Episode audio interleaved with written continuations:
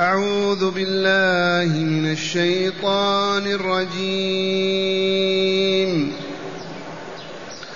النبي أولى بالمؤمنين من أنفسهم وأزواجه أمهاتهم. واولو الارحام بعضهم اولى ببعض في كتاب الله من المؤمنين من المؤمنين والمهاجرين الا ان تفعلوا إلى اوليائكم معروفا كان ذلك في الكتاب مسطورا وإذ أخذنا من النبيين ميثاقهم ومنك ومن نوح وإبراهيم ومنك ومن نوح وإبراهيم وموسى وعيسى ابن مريم وأخذنا منهم ميثاقا غليظا ليسأل الصادقين عن صدقهم وأعد للكافرين عذابا أليما. أحسنت. معاشر المستمعين والمستمعات من المؤمنين والمؤمنات قول ربنا جل ذكره النبي أولى بالمؤمنين من أنفسهم. إي والله. النبي الكريم العظيم محمد رسول الله صلى الله عليه وسلم خاتم الأنبياء وإمام المرسلين أولى بالمؤمنين من أنفسهم فيما يأمر به وينهى عنه. أولى بالمؤمنين من أنفسهم. فيما يأمر به وينهى عنه فيما يأمرهم به وينهاهم عنه وهو أحق من به من أنفسهم. نعم المؤمنون النبي أولى بالمؤمنين من أنفسهم. أي نقدمه عن أنفسنا ونعظمه ونجل ونكبره. ونطيعه ونتبعه ونمشي ونطلب ما يجيء به ويدعو إليه. هذه أولا. ثانيا أزواجه أمهاتنا. أزواج الرسول وكن تسع زوجات. اجتمعنا في حجراته إلا أن خديجة رضي الله عنها كانت بمكة وتوفيت بمكة قبل الهجرة النبوية. وأزواج النبي أمهاتنا في إجلالهن وتعظيمهن وإكبارهن واحترامهن وطاعتهن ولكن وفي عدم الزواج بهن إلا أن نعم أزواج الرسول أمهات المؤمنين. فهل ولدنا المؤمنين والمؤمنات الجواب لا. أمهاتنا في ماذا؟ في باب تعظيمهن واحترامهن وإجلالهن وإكبارهن كالأمهات.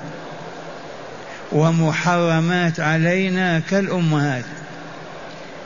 فلا يحل لرجل أن يتزوج امرأة النبي صلى الله عليه وسلم بعد طلاق أو بعد موتها أو بعد موت النبي صلى الله عليه وسلم. في الآية حرمة نساء الرسول حيث سماهن الله أمهات المؤمنين. فهذه الأمومة ليست أنهن ولدننا ولكن من باب التعظيم والاحترام والإجلال والإكبار والطاعة كما تعظم أمك وتحترمها وتطيعها. وأزواج أمهاتهم أي أمهات المؤمنين. ثالثا والإرث فلا يورثن كما تورث الأم. نعم. فأزواج الرسول لم يورثن كما تورث الأمهات. ما يقول عمر وإلا أنا أرث عائشة لأنها أمي. مرة ثانية. يقول تعالى النبي صلى الله عليه وسلم أولى بالمؤمنين من أنفسهم وأحق بما يأمر به وينهى عنه ويطاع في ذلك.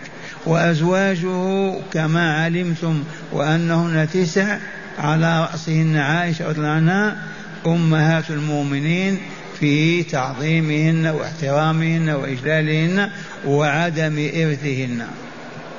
فقط وحرمة الزواج بهن وحرمة إرثهن إذا توفينا. هذه هي الأفضلية. ثم قال تعالى وأولو الأرحام بعضهم أولى ببعض في كتاب الله من المؤمنين والمهاجرين. كانوا في الجاهلية يتعاقد الرجل مع الرجل على أن يرثه إذا مات ويرثه الثاني إذا مات. ثم جاء الإسلام وهاجر المؤمنون إلى المدينة. فأخذ الأنصار يؤوون المهاجرين ويتعاقدون معهم على الإرث. يجعله كأخ له إذا مات يرثه. يرث الأنصاري المهاجر والمهاجر يرث الأنصاري لأن الرسول صلى الله عليه وسلم لما قدم المهاجرون والى بين الأنصار والمهاجرين يا عمر أنت مع فلان يا عثمان معك فلان وهكذا. ليؤوهم وينصروهم ويسدوا حاجتهم لأنهم مهاجرون فقهاء. وتوارثوا فترة من الزمن ثم نسخ الله ذلك بهذه الآية. وأولو الأرحام وهم الأقارب كالأب والأم والأخ والأخت وما إلى ذلك. أولو الأرحام بعضهم أولى ببعض في كتاب الله الذي هو كتاب المقادير كتاب القضاء والقدر. وأبطل تعالى تلك الحال أو العادة التي اتخذت أولا من إيواء الأنصار للمهاجرين حتى توارثوا وورث بعضهم بعضا. فأبطل الله تعالى هذا الإرث وأثبته للأقارب للأرحام للابن والأخ والعم والأم والأخت والجد والجد. وأولو الأرحام بعضهم أولى ببعض. منين أولا في كتاب الله الذي كتاب المقادير في اللوح المحفوظ. أولى بعضهم ببعض من المؤمنين والمهاجرين. فالمؤمن لا يرث مؤمنا بوصفه. مؤمن يقول أنا أرثه لأني مؤمن وهو مؤمن. والمهاجرين كما علمتم لا يرثهم الأنصار ولا الأنصار ولا المهاجرون يرثون الأنصار. إذ انتهت تلك العادة. اللهم إلا أن تفعلوا إلى أوليائكم معروفا. إذا أردت أن توصي لمهاجر بثلث مالك لك ذلك. توصي بربع مالك لك ذلك. تقول يا فلان أنت فقير أنا أوصي لك بربع مالي. لأن الله تعالى أجاز للمؤمن أن يوصي بثلث ماله فأقل لا أكثر. الثلث والثلث كثير. الربع الخمس السدس لأي واحد تريد أن توصي بهذا يجوز ذلك. وهو ليس من أقاربك أبدا. إلا أن تفعلوا إلى أوليائكم معروفا. معروفا بينكم كالسدس والخمس والربع والثلث. وصية لفلان إذا مت له كذا وكذا. هذا أجازه الله تعالى. ذلكم وصاكم به ذلكم ف... ف... نعم. إلا أن تفعلوا إلى أولئكم معروفا. كان ذلك في الكتاب أي في اللوح المحفوظ مسطورا مكتوبا. مرة ثانية. أولا النبي أولى منا به نفسه أولى من أنفسنا في كل شيء. فضله الله وأكرمه وأعزه وجعله فوقنا. وهو كذلك. ثانيا زوجات الرسول لا يحل لمؤمن أن يتزوج منهن واحدة لأنهن أمهات. لكن مع التحفظ أمهات لا تورث زوجة الرسول لأنها أم يقول فلان أرث لأن أمي. في الإرث لا. ولكن في التعظيم والاحترام والإجلال والإكبار وفي حرمة الزواج بهن. وأزواج أمهاتهم. أولو الأرحام من هم؟ الأب والابن والأخ والأخ والعم وهؤلاء الأقارب أولى ببعضهم ببعض في الميراث. أما الأباعد كالمهاجرين والفقراء ومن إلى ذلك بطل ذلك التوارث. كانوا يتعاقدون يكتبون كتابا إن مت ترثني وإن مت أرثك أبطل الله هذا. وجعل أولو الأرحام بعضهم أولى ببعض في كتاب الله القرآن الكريم. من المؤمنين والمهاجرين. إذ كان المؤمنون يرث بعضهم بعض بالتعاقد. وكان المهاجرون يرثون الأنصار إذا وعدهم أو الأنصار يرث المهاجر في المدينة إذا مات. لكن الله تعالى أبطل هذا وقال إلا أن تفعلوا إلى أوليائكم معروفا. وهو أن توصي لمهاجر أو أنصاري أو غريب أو عربي بدوي توصي له بثلث مالك لا بأس. وهذا إلى الآن أيما مؤمن له أن يوصي بثلث ماله لمسجد لفقراء لرباط لكذا جائز لأخ من إخوانه. ليس قريبا من أرحامه من إخوانه المؤمنين. يوصي له بالثلث أو الربع أو بما أقل من الثلث. إلا أن تفعلوا إلى أوليائكم معروفا كان ذلك في الكتاب أي في اللوح المحفوظ مسطورا مكتوبا. ونسخ الله ما كان عليه المؤمنون في المدينة من التوارث بالقرابة البعيدة أو بالهجرة أو ما إلى ذلك. ثم قال تعالى لرسوله صلى الله عليه وسلم وإذ أخذنا من النبيين ميثاقهم أي أذكر يا رسولنا للمؤمنين في العالم والمؤمنات أذكر للبشرية كلها. إذ أخذنا من النبيين ميثاقهم على أن يعبدوا الله وحده ويدعوا عباده إلى عبادته وحده. أخذ الله من كل نبي من كل رسول عهدا أن يعبد الله وحده وأن يدعو إلى عبادته تعالى وحده. ميثاق أخذ. عهد موثق باليمين. الميثاق العقد الموثق المحتن المحكم باليمين. أخذنا من النبيين ميثاقهم ومنك يا رسولنا ومن نوح وإبراهيم وموسى وعيسى بن مريم. هؤلاء أولو العزم الخمسة وأولو العزم خمسة. نبينا صلى الله عليه وسلم محمد نوح إبراهيم موسى عيسى عيسى بن مريم. أولو العزم. لما قدم محمد صلى الله عليه وسلم وهو آخرهم وجودا لأنه أفضلهم أكملهم أشرفهم. ومنك الكاف هنا الضمير عائدة على رسولنا محمد صلى الله عليه وسلم. وهم لا يختلفون في هذا فالكل يؤمن أن محمدا أفضل الأنبياء والرسل. وهناك لطيفة علمية أوردها غير واحد بن جرير والطبري وهي لما خلق الله بني آدم في في صلب آدم في ظهر في ظهر آدم. أول من خلقه محمد صلى الله عليه وسلم. أول من بدأ الله خلقه في صلب آدم محمد صلى الله عليه وسلم. ولا حرج في هذا أبدا. وإذ نتقنا الجبل وإذا أخذنا من بني آدم من ظهورهم ذريتهم وأشهدهم على أنفسهم.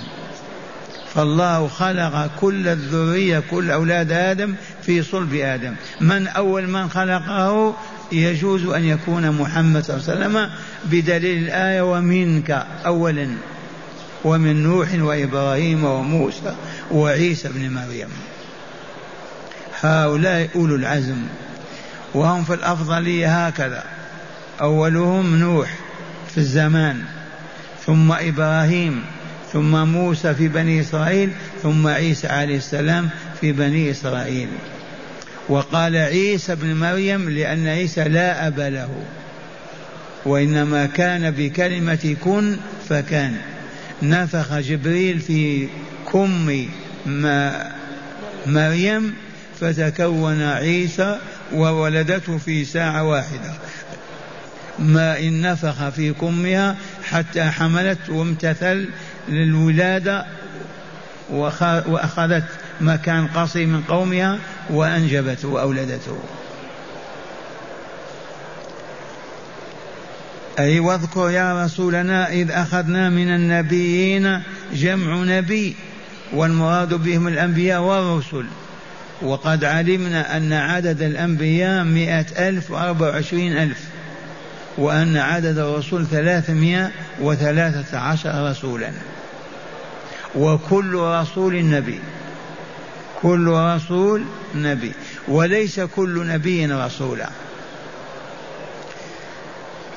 وهؤلاء هم أولو العزم ورسولنا صلى الله عليه وسلم أفضلهم وأكملهم ولهذا قدم ذكره عنهم. وإذا أخذنا منك هكذا. من نبي وإذا أخذنا من نبي ومنك ومن نوح وإبراهيم وموسى وعيسى بن مريم.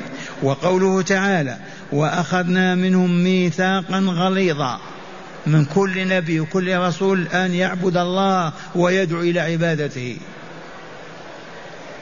هذا الميثاق أخذ على كل نبي. ما هو؟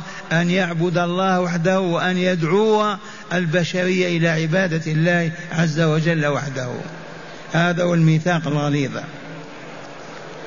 لماذا هذا؟ قال ليسأل الصادقين عن صدقهم يوم القيامة. فيما بلغوا ودعوا إلى الله وفي هذا يخزي الله ويذل الكافرين. إذ هؤلاء رسله يسألهم بلغتم أرسلتكم بلغتم دعوتنا؟ نعم نعم. فماذا يقول المشركون والكافرون؟ يذلون ويهانون. ليسأل الصادقين عن صدقهم وأعد للكافرين عذابا أليما أي موجعا قاسي الإيلام. هذا تدبير الله عز وجل. مرة ثانية أسمعكم الآيات. النبي أولى بالمؤمنين من أنفسهم. إي والله. وأزواجه أمهاتهم. وأولو الأرحام بعضهم أولى ببعض في كتاب الله من المؤمنين والمهاجرين. اللهم إلا أن تفعلوا إلى أوليائكم معروفا. ذلك لكم. توصي بالثلث لمن شئت من قريب وبعيد كان ذلك في الكتاب مسطورا أي في كتاب المقادير اللوح المحفوظ. وإذ أخذ وإذ أخذنا هذا كلام الله حديثه نفسه. وإذ أخذنا من النبيين ميثاقهم ومنك يا محمد ومن نوح وإبراهيم وموسى وعيسى بن مريم. وأخذنا من ميثاقا غليظا ليسأل الصادقين عن صدقهم. وأعد للكافرين عذابا أليما. والعياذ بالله تعالى. هيا مع شرح الآيات في التفسير. لما أبطل الله تعالى عادة التبني تقدمت بالأمس وإلا لا؟ لما أبطل الله تعالى عادة التبني وكان النبي صلى الله عليه وسلم قد تبنى زيد بن حارثة الكلبي. أليس كذلك؟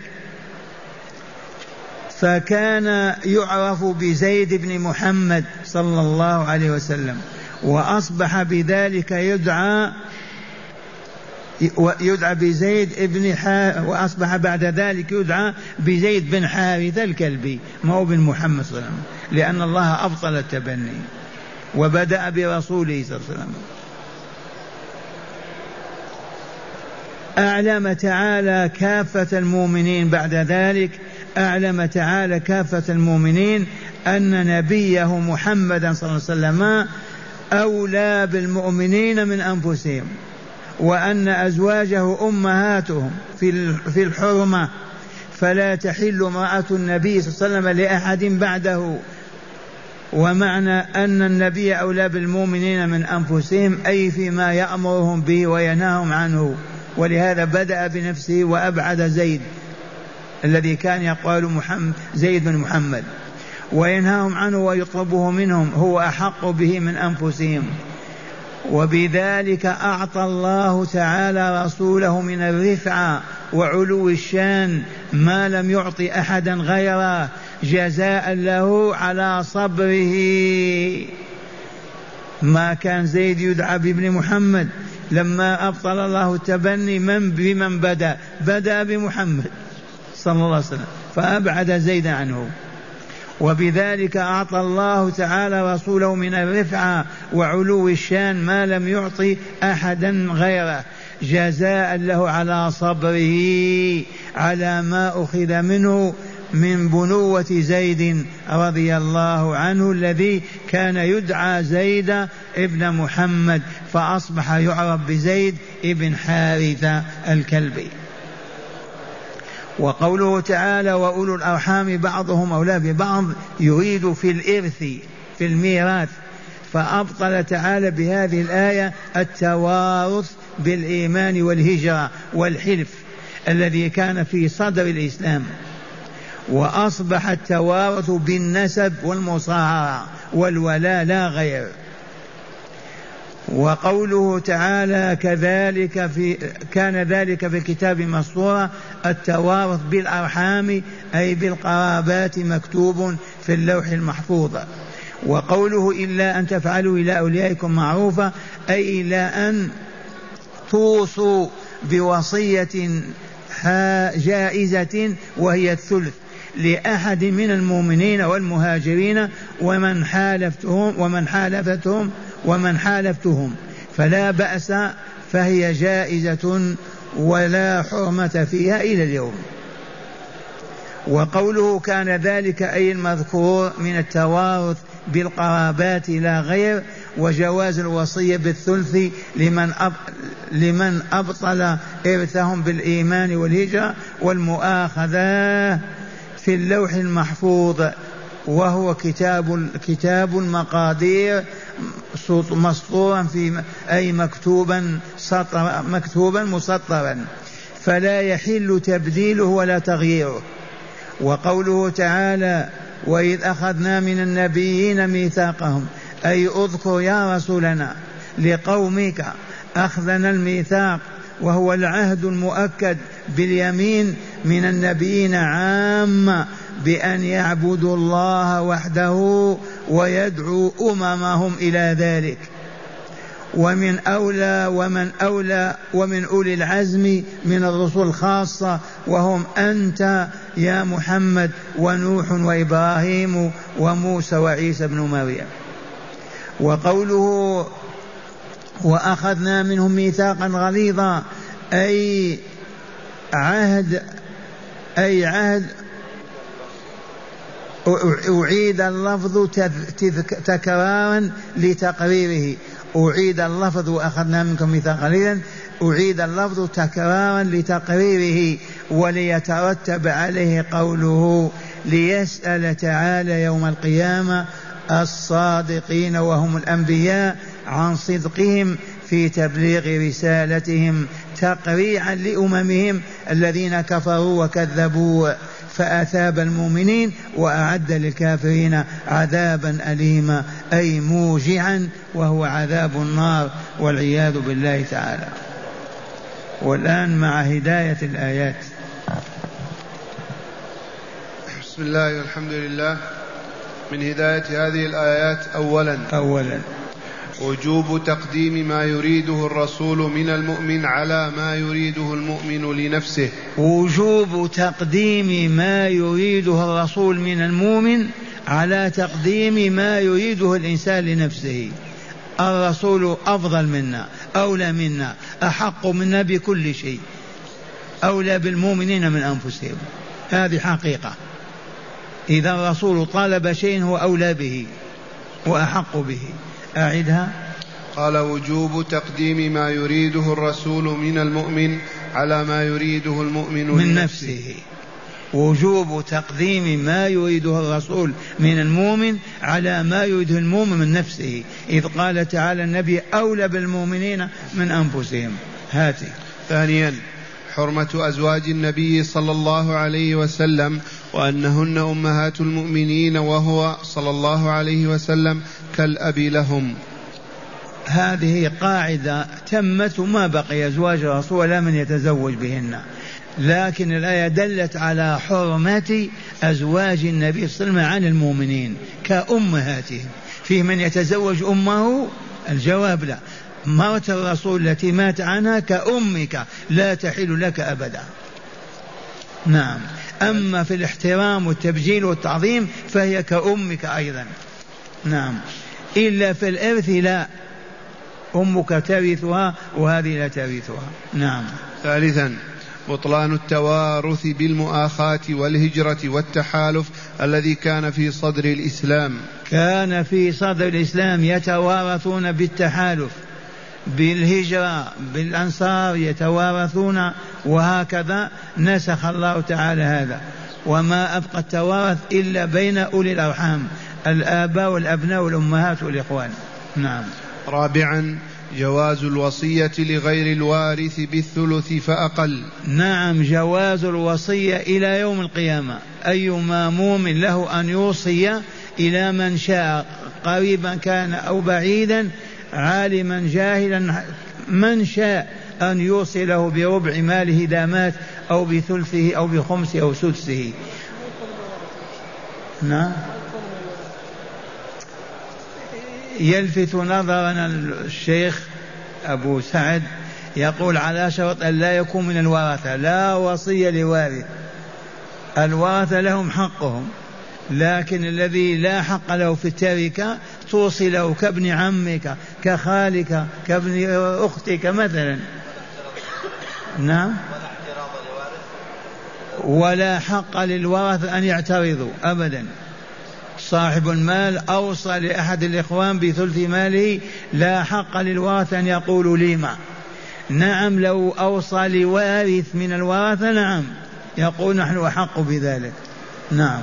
خامسا وجوب توحيد الله تعالى في عبادته ودعوة الناس إلى ذلك. وجوب توحيد الله تعالى في عبادته التي هي الدعاء والذكر والاستغاثة والتوسل وكل أنواع الطاعات والعبادات. يجب أن يعبد الله وحده فيها. توحيد الله ودعوة الناس إلى ذلك. على كل مؤمن ومؤمنة أن يدعو من لا يعبد الله وحده أن يدعوه إلى عبادة الله وحده. واجب كل مؤمن ومؤمنة. سادسا وأخيرا تقرير التوحيد بأخذ الميثاق به على كافة الأنبياء والمرسلين. تقرير التوحيد لأن الله أخذ الميثاق عن الأنبي من الأنبياء والرسل فكيف بغيرهم من الخلق؟ ميثاق أخذه الله على من الرسل أن يعبدوا الله وحده وأن يدعوا الله وأن يدعوا عباد الله إلى أن يعبدوا الله وحده. وكل مؤمن مسؤول عن هذا. إذا أخوك يقول يا سيدي عبد القادر تسكت لا يحل لك أن تسكت. جارك يقول يا رسول الله قل لا تسأل غير الله لا تستغيث بغير الله. وهكذا كل المؤمنين مسؤولون.